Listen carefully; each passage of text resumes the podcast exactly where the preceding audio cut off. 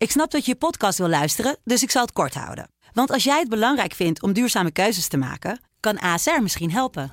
Nou hoor ik je denken, hoe dan? Nou, bijvoorbeeld bij het duurzaam herstellen van schade. Of de premies die we beleggen volgens ons duurzaam beleggingsbeleid. Dat bepaalt waar we wel en juist niet in investeren.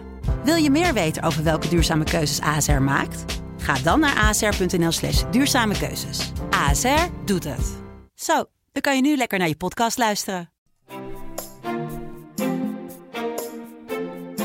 Dit is Kwestie van Centen, een podcast van de Financiële Telegraaf. Met Martin Visser en Herman Stam.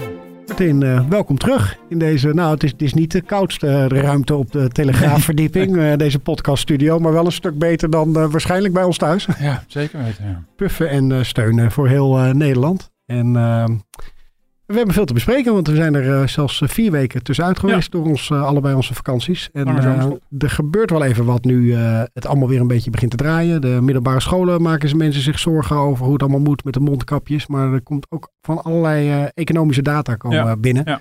CBS heeft allerlei tweede kwartaalcijfers. De arbeidsmarktcijfers, nou ja, daar heb je een, groei.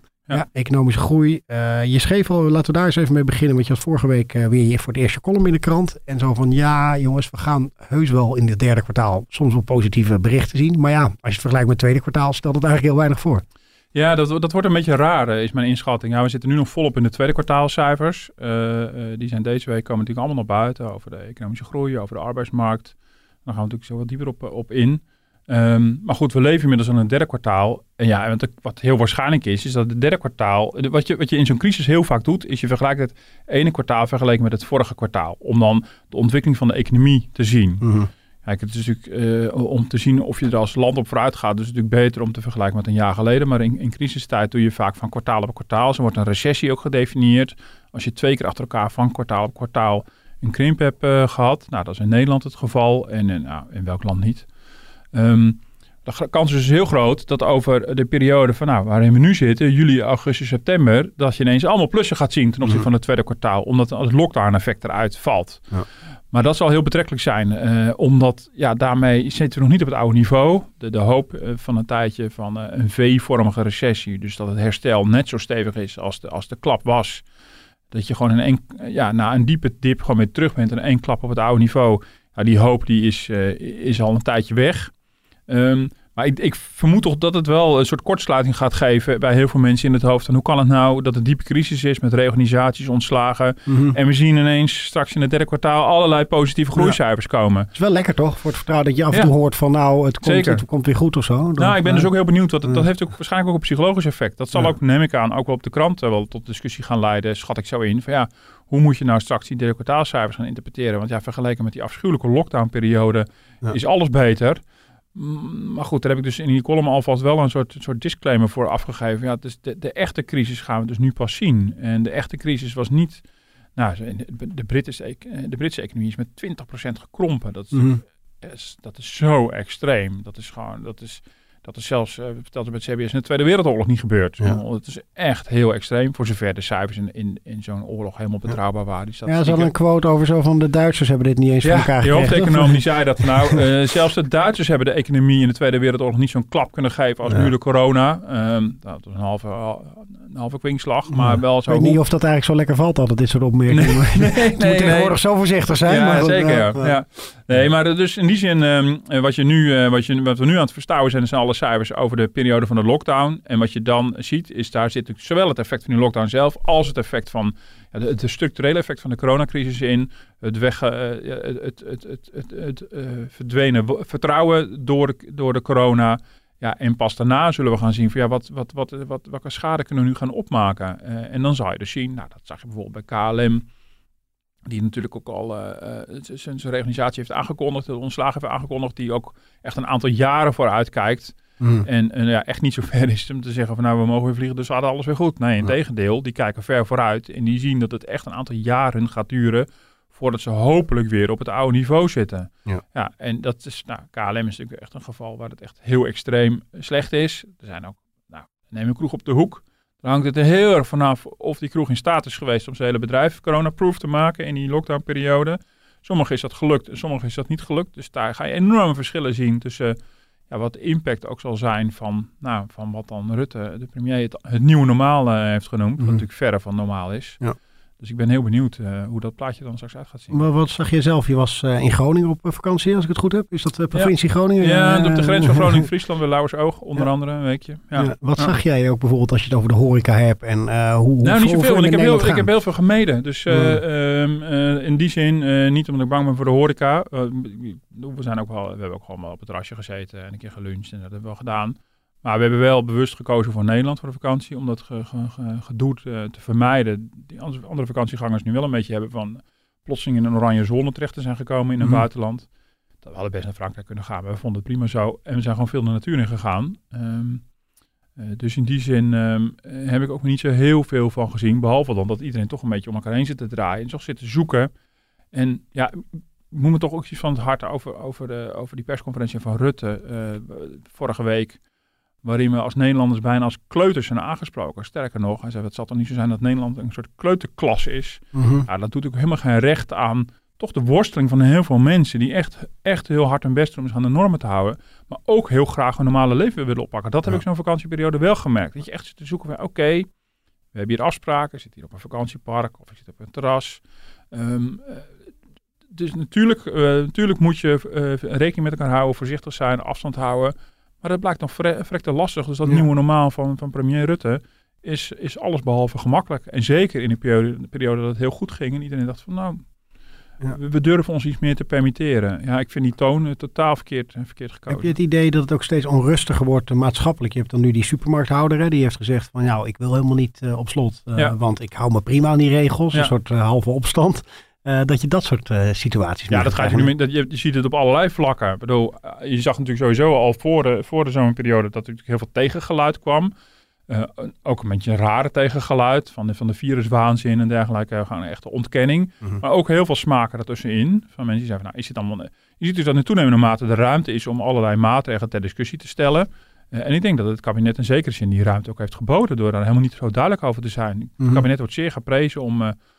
door, door allerlei eh, de deskundigen dat ze het allemaal zo goed doen. Ik vind het eigenlijk allemaal nog wel meevallen met hoe goed eh, wij het als Nederland doen. Ik vind het vaak helemaal niet zo heel erg duidelijk.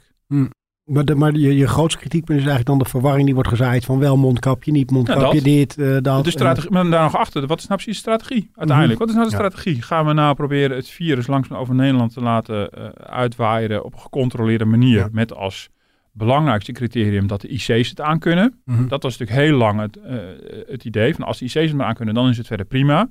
Of nou ja, dat hele verhaal van die groepsimmuniteit. Het klinkt bijna een beetje flauw om die oude koe weer uit de sloot te halen. Maar dat is natuurlijk wel gezegd. En ja, door, de, door, door het kabinet niet echt heel duidelijk teruggenomen. Mhm. Ook het RIVM en OMT hebben daar natuurlijk van allerlei dingen over gezegd. En ja, ze zijn er wel op teruggekomen, maar allemaal heel impliciet.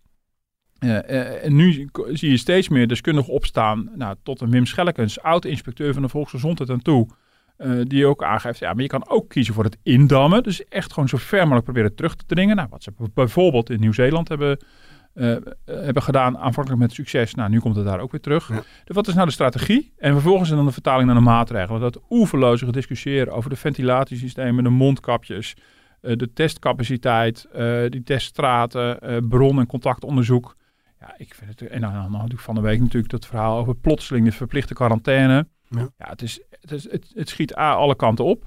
Eh, en wat ik het meest kwalijke nog uiteindelijk vind, is dat ehm, zowel het kabinet als, eh, als de deskundigen van RIVM en OMT er ongelooflijk moe- moeite mee hebben om terug te komen op eerder ingenomen standpunten. Terwijl volgens mij in deze crisis dat totaal geen schande is. Mhm. Ik Rutte heeft natuurlijk zelf gezegd, we moeten 100% van de beslissing nemen op, op 50% van de kennis.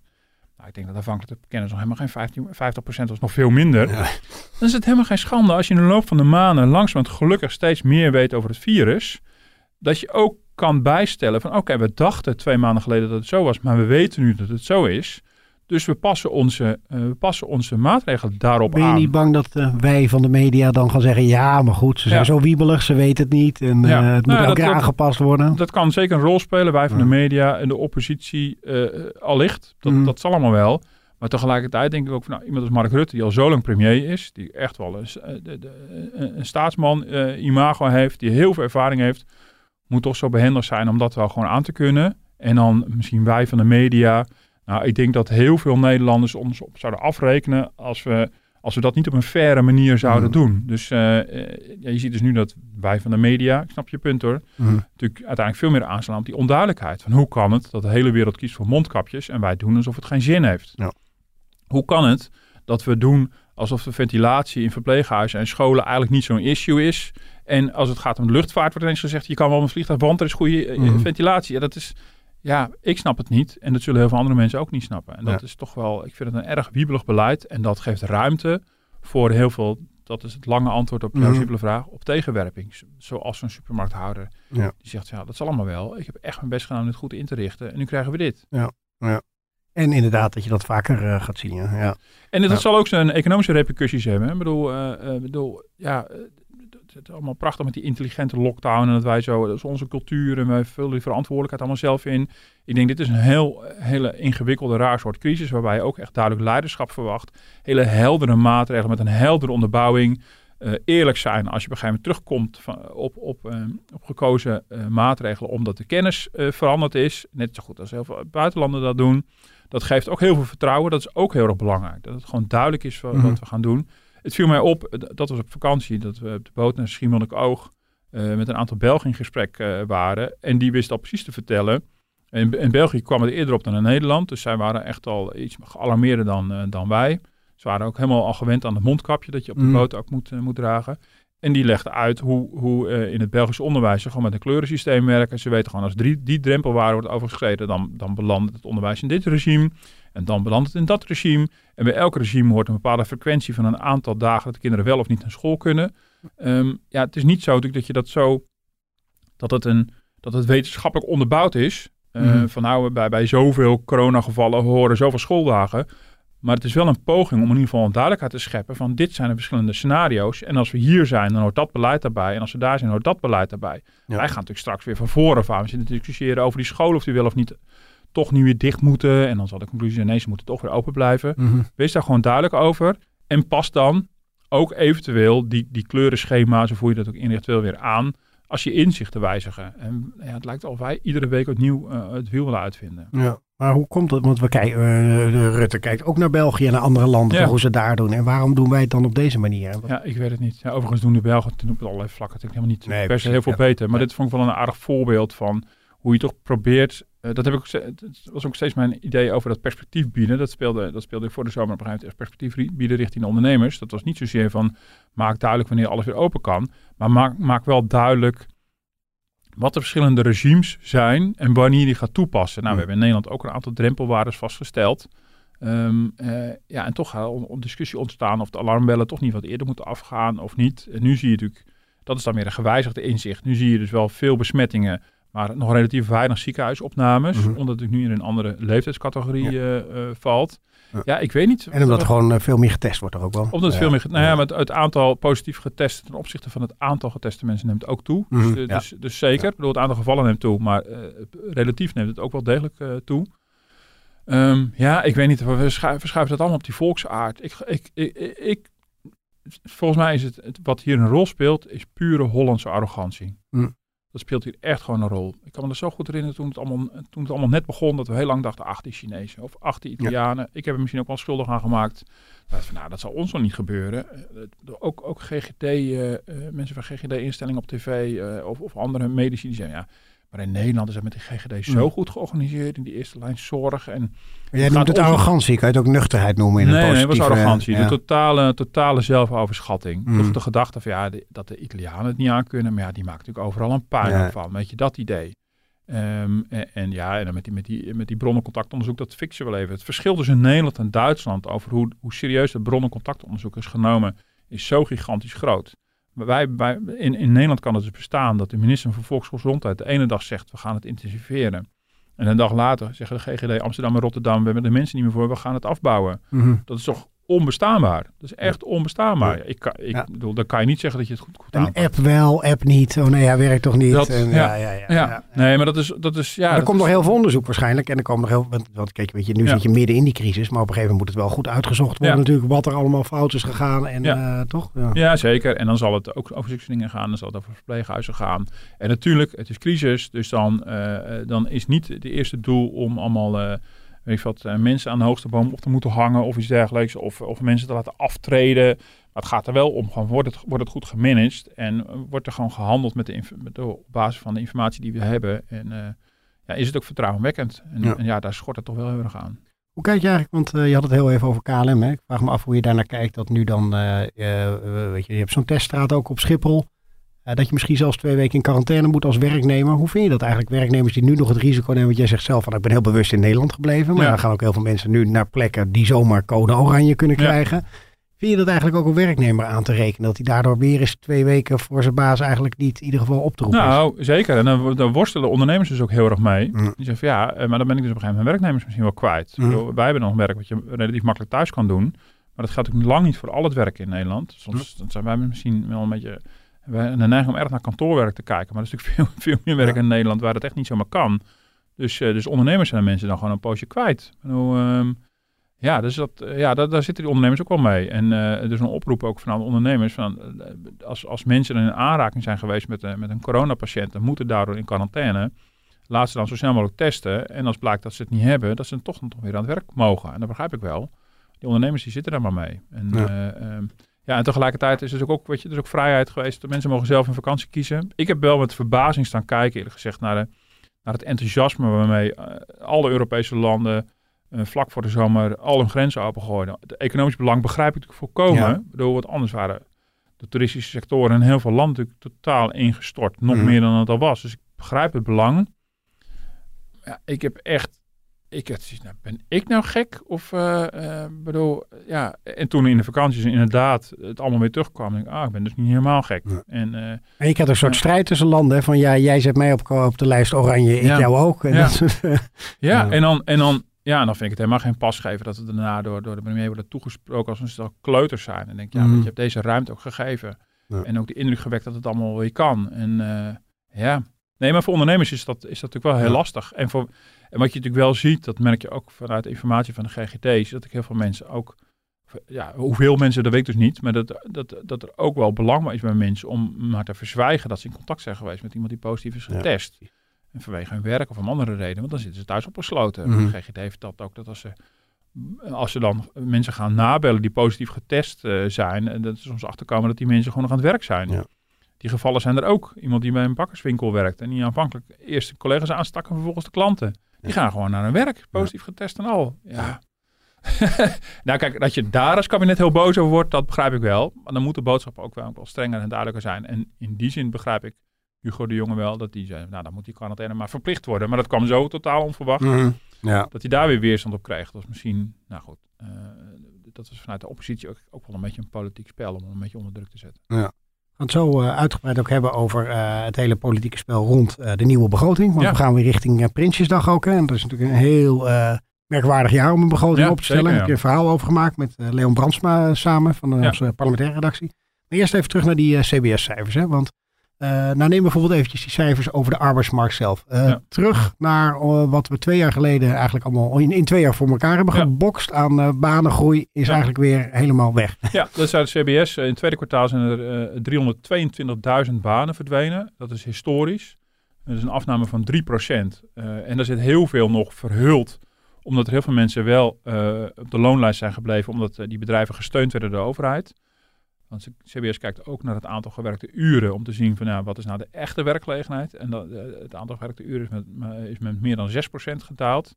En dat is echt, dat, ja, dat klinkt niet heel veel, maar dat is echt ongekend. Dus mm. over de hele economie. Dus, nou, je kan natuurlijk raden dat horeca en recreatie en, en reisbranche, dat is het allemaal nog veel dramatischer.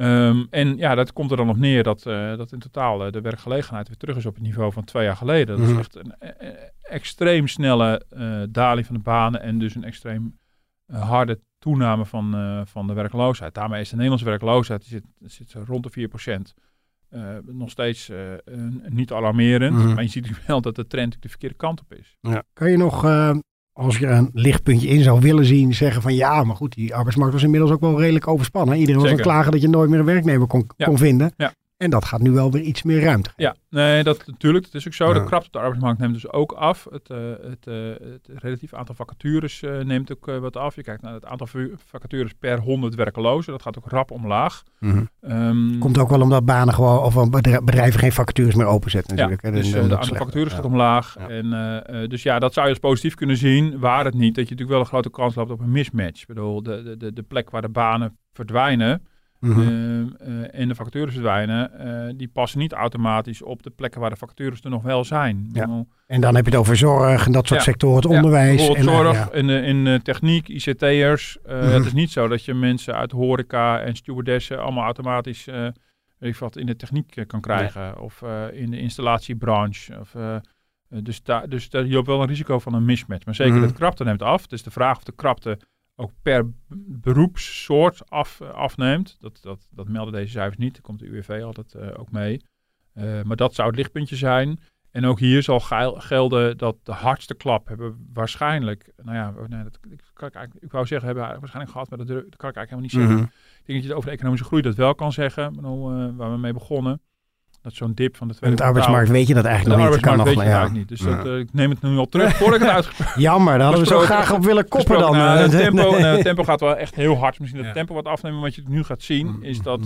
Uh, dat is wel verrassend ook, dat zei, de, zei die hoofdeconoom CBS ook uh, opvallend genoeg, is het aantal faillissementen nog steeds niet zo hoog. Mm -hmm. Ze rapporteren elke week over het aantal faillissementen. Dat hield ik ook een tijdje in de gaten. Van, nou, dat is een soort graadmeter van hoe slecht het gaat. Je zou denken, allerlei bedrijven die in de lockdown op de fles gaan. Maar dat valt dus relatief mee. Maar dat betekent dus ook dat die NOW-regeling en zo best goed hun werk doen. Heel de, de steunregeling van de ja, overheid. En nu wat je nu ziet is het tweede steunpakket is al aanzienlijk minder gebruik van gemaakt. Dat werd ook van de week bekend dan mm. van het eerste steunpakket. Het staat nog eventjes open, dus het kan nog bij uh, uh, trekken. Oh ja, tot eind augustus mag het geloof ik. Ja, ja. dus ze hebben nog eventjes.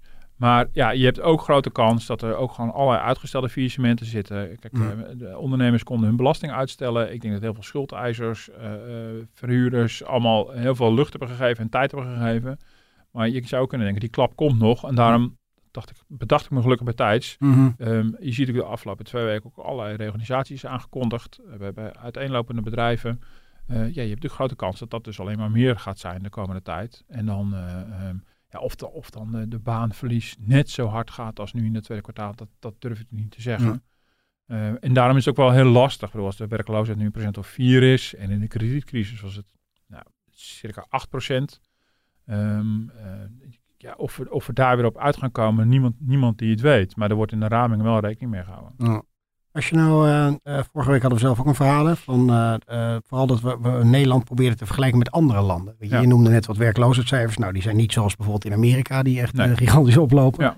Maar kan je daar iets meer over zeggen van hoe we er nou eigenlijk voor staan ten opzichte van andere landen? Ja, nou ja, wat je, wat je grofweg wel, wel ziet, is dat landen met een strengere lockdown het gemiddeld genomen slechter doen dan landen met een minder strenge lockdown.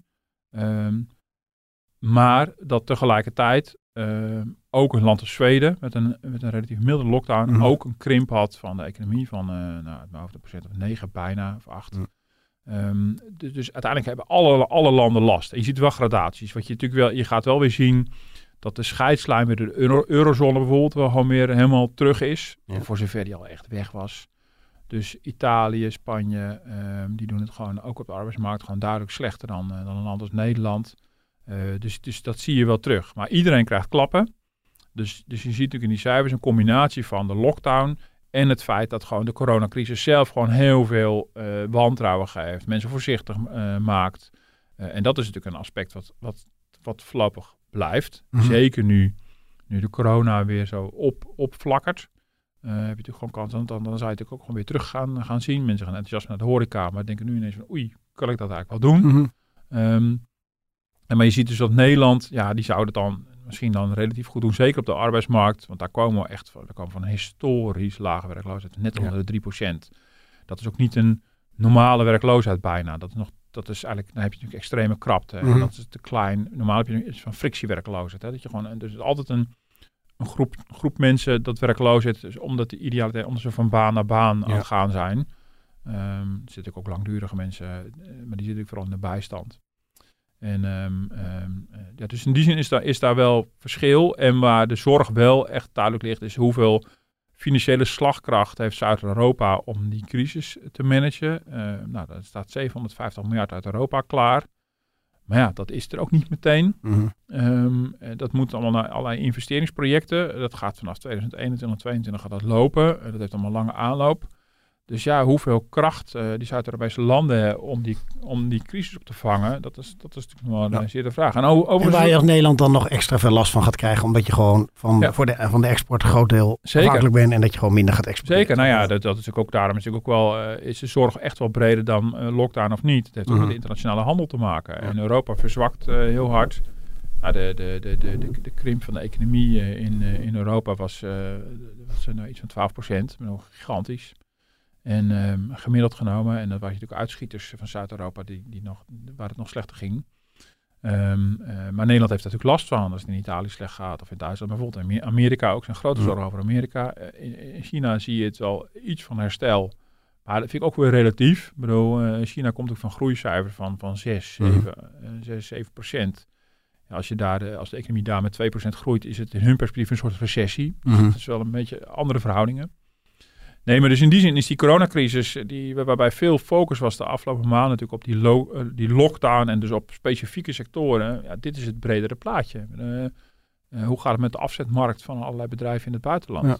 Ja, Denk je dat ook nog ondertussen die handelsoorlog, hè? Trump gaat ja. richting zijn verkiezingen en die wil gewoon weer herkozen worden. Dus dat helpt altijd wel voor binnenlands gebruik volgens mij als er wat retoriek richting China komt.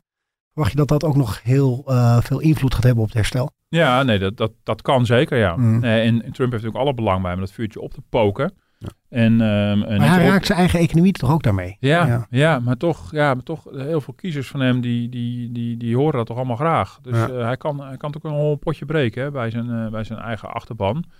Dus in die zin, uh, ja, dat kan je natuurlijk de hele tijd van het protectionistische beleid van Trump zeggen. Of ja, daar zijn mm. precies zijn eigen kiezers misschien niet bij gebaat. Ja. Tegelijkertijd begrijp ik het sentiment ook alweer. Het is allemaal heel begrijpelijk en verklaarbaar. Of het economisch allemaal even verstandig is, is natuurlijk een, is natuurlijk een tweede. Um, uh, goed, nou, we hebben het eerder natuurlijk over gehad dat, dat er natuurlijk best wel wat robbertjes te vechten waren met China. En hij doet het in ieder geval op een ondiplomatieke manier. Um, nou is er wel een verschil tussen robbertje vechten of echt een handelsoorlog ontketenen.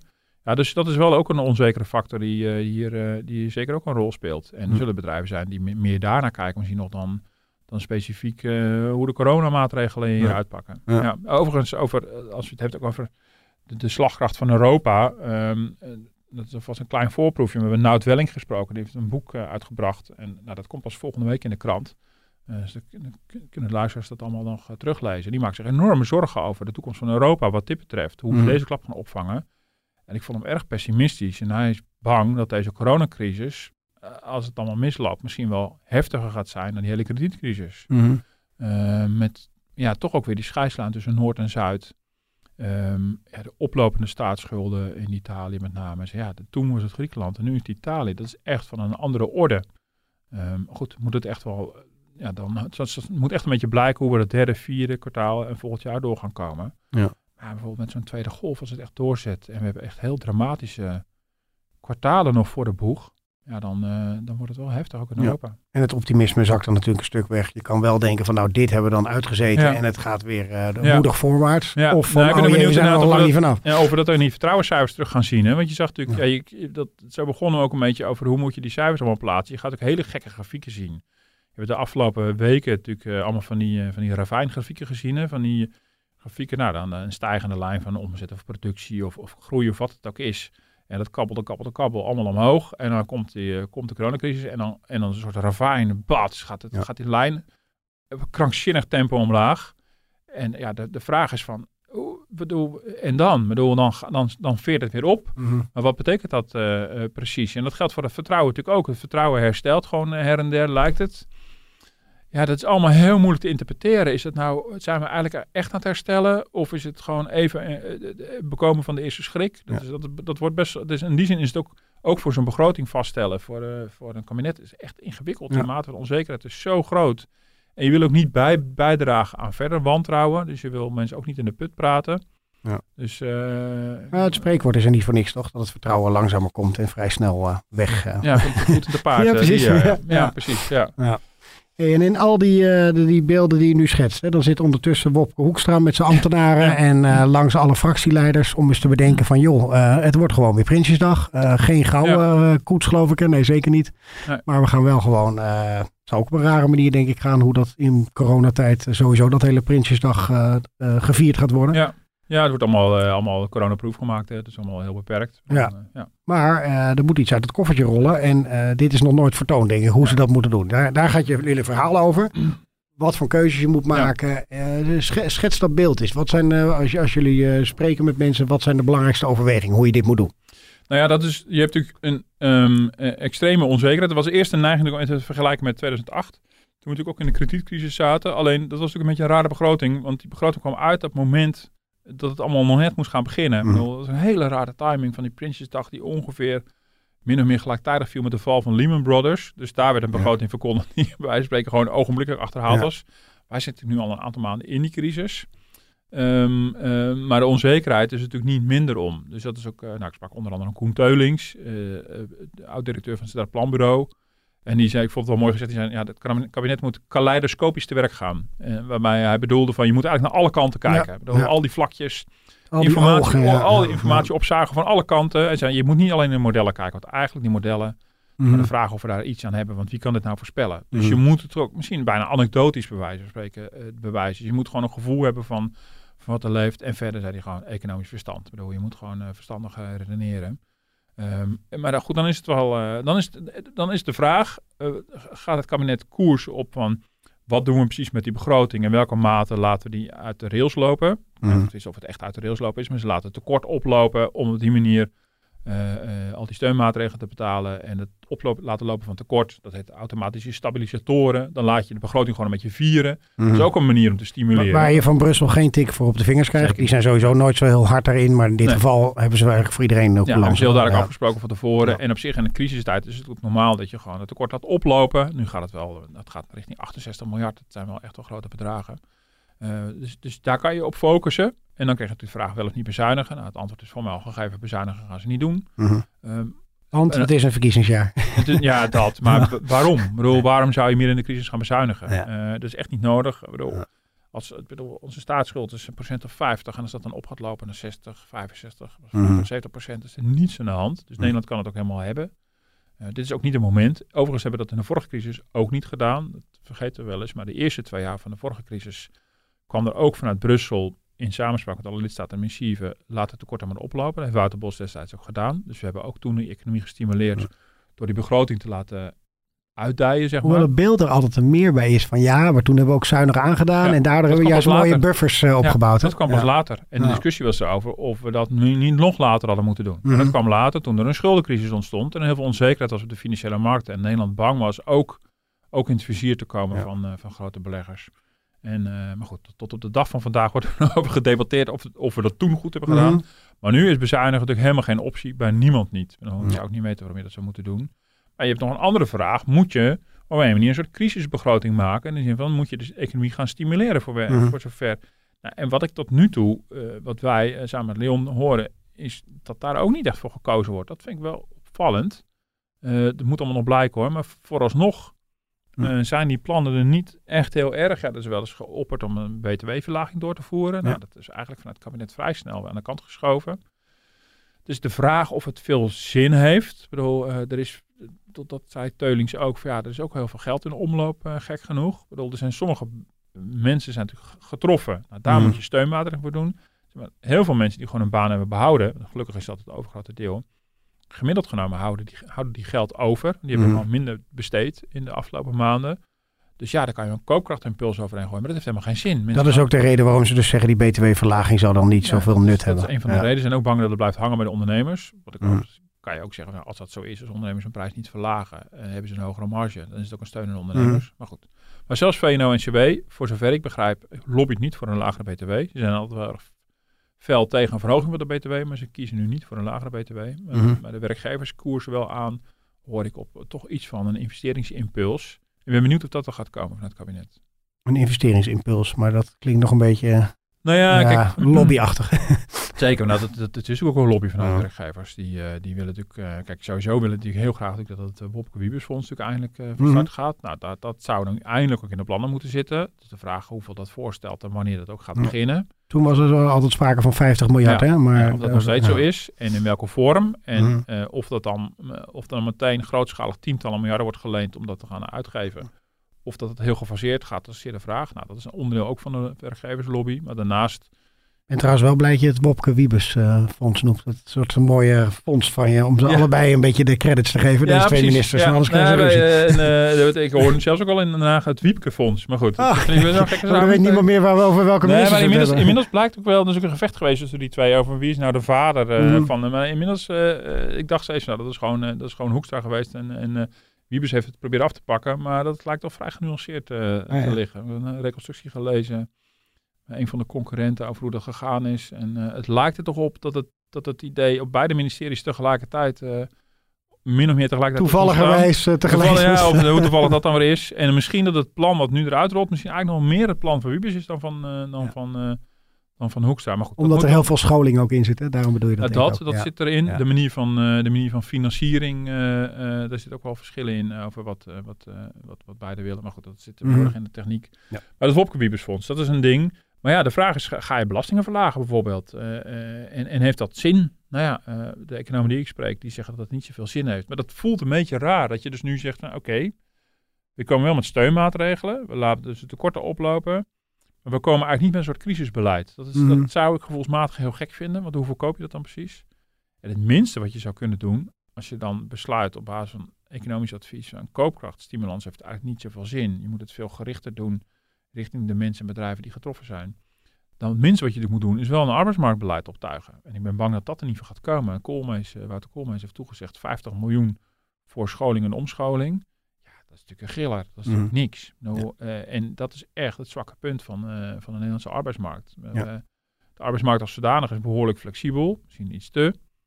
Maar nu ga je dus die mismatch krijgen van mensen die ontslagen worden. Je wil precies die, wat jij zei, hè, die groep van bijvoorbeeld, nou zeg ik, uh, de, de, stewardessen die bijvoorbeeld in de zorg kunnen werken. Ik geloof, KLM heeft daar wel wat programma's al voor. Dus dat wil je hebben. Ja, dat, en dat wil je stimuleren. Dat gebeurt ook allemaal wel. Dat is allemaal, allemaal uh, goed bedoelde initiatieven. En het is niet zo dat er niks gebeurt. Maar het is de afgelopen jaren uit meerdere rapportages gebleken dat hier in het verleden te veel op beknibbeld is. Dat uh, de polder veel te veel inge, sectoraal is ingericht. Er zijn hele grote scholingsfondsen die allemaal keurig per sector moeten worden besteed. En mhm. dat zijn die CAO-partijen die dat heel graag binnen die sectoren willen houden. Dat is al een heel langlopende discussie. Er wordt in Nederland ook oeverloos gediscussieerd over leren, leven lang leren en uh, leerrekening, scholingsrechten, het hele rattenplan. Maar daar is uh, ook een, een regeerakkoord is het een en ander over opgenomen, maar er is natuurlijk tot nog toe heel weinig van terechtgekomen. En dit is wel het moment, maar eigenlijk wel een beetje laat. Je kan moeilijk nu beleid nog optuigen voor een werkloze die je inmiddels al ziet, ziet oplopen hier maken arbeidseconomen zich ook enorme zorgen over. Dus ik ben benieuwd of daar toch een bepaald initiatief komt van het kabinet. Al was het maar om te laten zien hoe belangrijk ze het vindt. Nou, Ze hoeven het niet echt allemaal, niet eens allemaal zelf te bekostigen. Maar dat je toch de urgentie laat zien van hoe, hoe belangrijk het is. Maar goed, ik heb er niet zo hoge verwachtingen van, ja. gezegd. En wat denk je, wat horen jullie ook dan uh, rondom het ministerie van Financiën? Hoe ze dan nu, uh, het is nog vroeg hè, zeggen ze allemaal dit stadium. Ja. Er kan nog een hele hoop gebeuren tot aan Prinsjesdag. Maar uh, zijn er bepaalde fractievoorzitters uh, die uh, meer hameren op dit punt? Nou, de, tot nog toe lijkt het allemaal nog mee te vallen. Maar goed, misschien, misschien zijn we dan. moet, moet, die, de, de, zijn het alleen maar inleidende beschietingen en moet het echt gevecht nog plaatsvinden? Officieel gaan die onderhandelingen pas volgende week starten. Um, maar vooralsnog ziet het er niet naar uit dat, dat allerlei coalitiepartijen een enorme wensenlijst hebben en Um, goed, maar heel simpel gezegd zou je namelijk kunnen denken dat een coalitiepartij zoals de VVD denkt van nou, een verlaging van de winstbelasting zien wij wel zitten. En dat de D66 op scholing bijvoorbeeld uh, ja. heel, uh, Nee, zeker. Dat is ook, nou ja, en die, die strijd gaat natuurlijk wel, dat, dat, dat, dat, daar proef je al de eerste aanzet toe al wel. En uh, um, die strijd gaat ook wel gestreden worden. een, van de idee, een van de vragen is van, gaat die winstbelasting bijvoorbeeld verlaagd worden? Dat, dat zou al eerder gebeuren, is toen uitgesteld vorig jaar. -huh. Um, voor dit jaar zou het dan weer op de rol staan. En ja, daar wordt binnen, binnen de regering wel over nagedacht om dat gewoon opnieuw niet te doen. Daar zijn ze bij VN ook heel erg bang voor. Nou, dan moet je natuurlijk inderdaad de VVD overtuigen. Dus het wordt wel weer een, echt een heel spel van geven en nemen, zoals het altijd is. Normaal is de laatste begroting een soort feestbegroting, vlak voor de verkiezingen. En dan deel je allemaal nog wat uit en dan kan je mooi de verkiezingen in. En nu, uh, ja, nu is het tegenovergesteld. En dat had ook geweldig gekund als die coronacrisis niet was gekomen. Zeker, dan, uh, zeker. Dan had het ook een enorme feestbegroting geweest, toch? Absoluut, er was natuurlijk heel veel ruimte voor geweest. En nu, uh, nu is er eerder sprake van om misschien die winstbelasting voor bedrijven niet te verlagen zoals was beloofd. Maar goed, de vraag is wat er dan tegenover staat. Um, maar tot nog toe horen we niet dat er allerlei partijen enorme wensen hebben van we willen dit gaan doen voor de mensen en dat gaan doen voor de mensen. Je hebt dan wel het punt dat in de Eerste Kamer moet je nog een meerderheid krijgen. Dus ook een aantal oppositiepartijen moeten mee aan mhm. boord. Dus, uh, dus er moet nog wel wat uitgedeeld worden richting oppositiepartijen.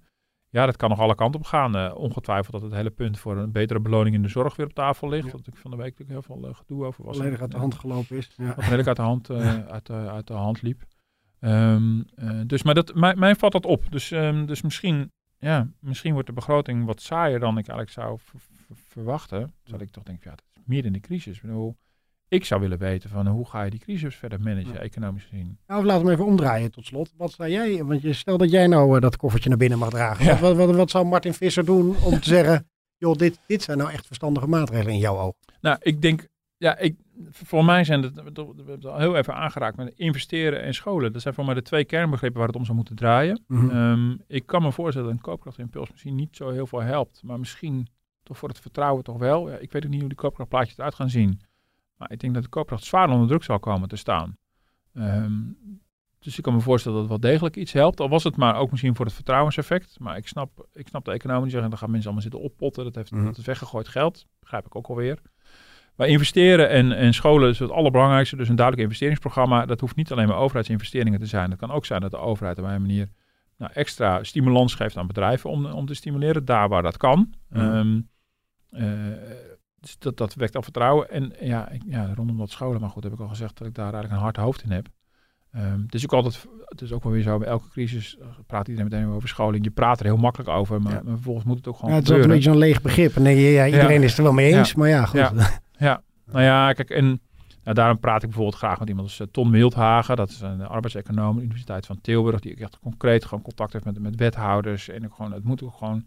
Het wordt niet vanuit Den Haag uiteindelijk uh, uitgevoerd op dag. Dus het moet echt concreet gewoon in gemeentes plaatsvinden. Ja. Waarbij bij de gemeente contact heeft met, met de bedrijvigheid daar. Met, uh, met, met de scholingsinstellingen. Maar het moet op een gegeven moment ook wel gaan, gaan, gaan gebeuren. Ja. En, in, ja, met de UWV. En, in Nederland zit natuurlijk de UWV en, en de sociale diensten hebben natuurlijk uiteindelijk veel te weinig gedaan. Even los van wie schuld dat nou is, aan het, aan het werk helpen van mensen. Ja, in de goede tijden ging het ook min of meer ja. vanzelf. Dus dan zag je dat ook niet zo heel erg. Was er misschien ook minder nodig. Uh, maar dat is echt wel, uh, dat is echt wel noodzakelijk. Maar goed, ja. investeren in scholen, dat zouden de kernbegrippen uh, moeten zijn. Ja, ik sla ook wel aan op dat, wat je zegt, dat het ook uh, vooral uh, per sector dat geld verdeeld wordt. En dat je dan, als je heel weinig bij, buiten je eigen muurtjes omkijkt, ja. dat je dus... dus ja, dat kan nu, dat, dat is normaal gesproken al omstandig, maar nu al helemaal. Ja, maar ja, dat zijn ook niet van die dingen die je zo snel omgooit, omdat je natuurlijk nee. dan de hele polder mee moet hebben. De vakbonden zullen daarop ja. tegen zijn. En dan voor je de, voordat je dat voor elkaar hebt, ja, dan is, ben je heel wat jaren verder in de crisis, heb ik wel, is mijn angst. Nou ja, kijk, en er zijn dus ook wel ideeën, ook, ook vanuit allerlei um, werkgeversorganisaties. Dat je natuurlijk bijvoorbeeld bij het derde steunpakket, wat ik ook gaat komen per 1 oktober, uh, toch ook de baken moet gaan verzetten. Die is nu heel erg gericht op, op loonsteun. Maar dat wordt toch een vorm van deeltijd-WW of, of iets wat erop lijkt. Dat mensen uh, toch, als het een onvoldoende werkforce is, part-time gaan werken. En dan moet ook, daar moet ook een component van scholing op een manier in. De vorige crisis bij de deeltijd-WW is het ook gedaan, maar dat levert dan toch heel weinig op. Dus dan, ja, goed, er is zo lang over nagedacht. Daar moet toch iets mm. intelligents uit te halen zijn. Ja. En er zijn ook gewoon branches die gewoon mensen kunnen gebruiken. We hebben ook sprak Doekle Terpstra van de installatiebranche. Die uh, ook zegt, ja, wij kunnen gewoon nog uh, allerlei technische mensen gebruiken. En er zijn, mm. misschien zijn er ook wel gewoon in andere sectoren ook mensen die met de techniek zitten. Die dan toevallig in een andere sector zitten. Die willen misschien in, in, in, in, in meer in de facilitaire dienstverlening voor, weet ik veel, voor een cateringbedrijf of wat dan ook. Uh, dus er zijn natuurlijk wel degelijk matches te maken. Ja. Maar ja, dat moet wel echt lokaal, echt concreet worden georganiseerd. En als dat de infrastructuur is die we hebben ja, we hebben verwaarloosd, soms zelfs afgebroken. Ja, dat heb je niet zomaar hersteld. Ja. Nou, we gaan het allemaal uh, tot die derde dinsdag van september uh, vast veel vaker in deze podcast er ook erover hebben. Ja. En jou uh, geregeld vragen naar de begroting van Martin Visser. Wat jij allemaal verstandig daarin acht. Dat is ook fijn voor de luisteraars. Ja, dat is een terechte vraag. Maar dat maakt ook wel, als journalist inderdaad ben je natuurlijk gewoon een toeschouwer. En heb je altijd makkelijk praten. Maar, mm -hmm. Dus het is, het is ook niet makkelijk natuurlijk om deze tijd zoiets te moeten maken. En zomaar ineens bijvoorbeeld het scholings- en arbeidsmarktbeleid repareren van wat er jarenlang is fout gedaan. Dat is niet zomaar in één keer gedaan. Ja, helder. Uh, dankjewel voor je tijd. En ehm, volgende week zijn we weer te beluisteren op iTunes en op Spotify. En u kunt ons ook weer gaan mailen. We hebben de mailbox bijgewerkt. En mail gerust weer nieuwe mails naar podcast.telegraaf.nl. nee, sorry, ik zeg het verkeerde. Podcast.dft.nl, de financiële telegraaf. Daar de afkorting van. Dank u wel voor het luisteren en tot volgende week. Tot volgende week.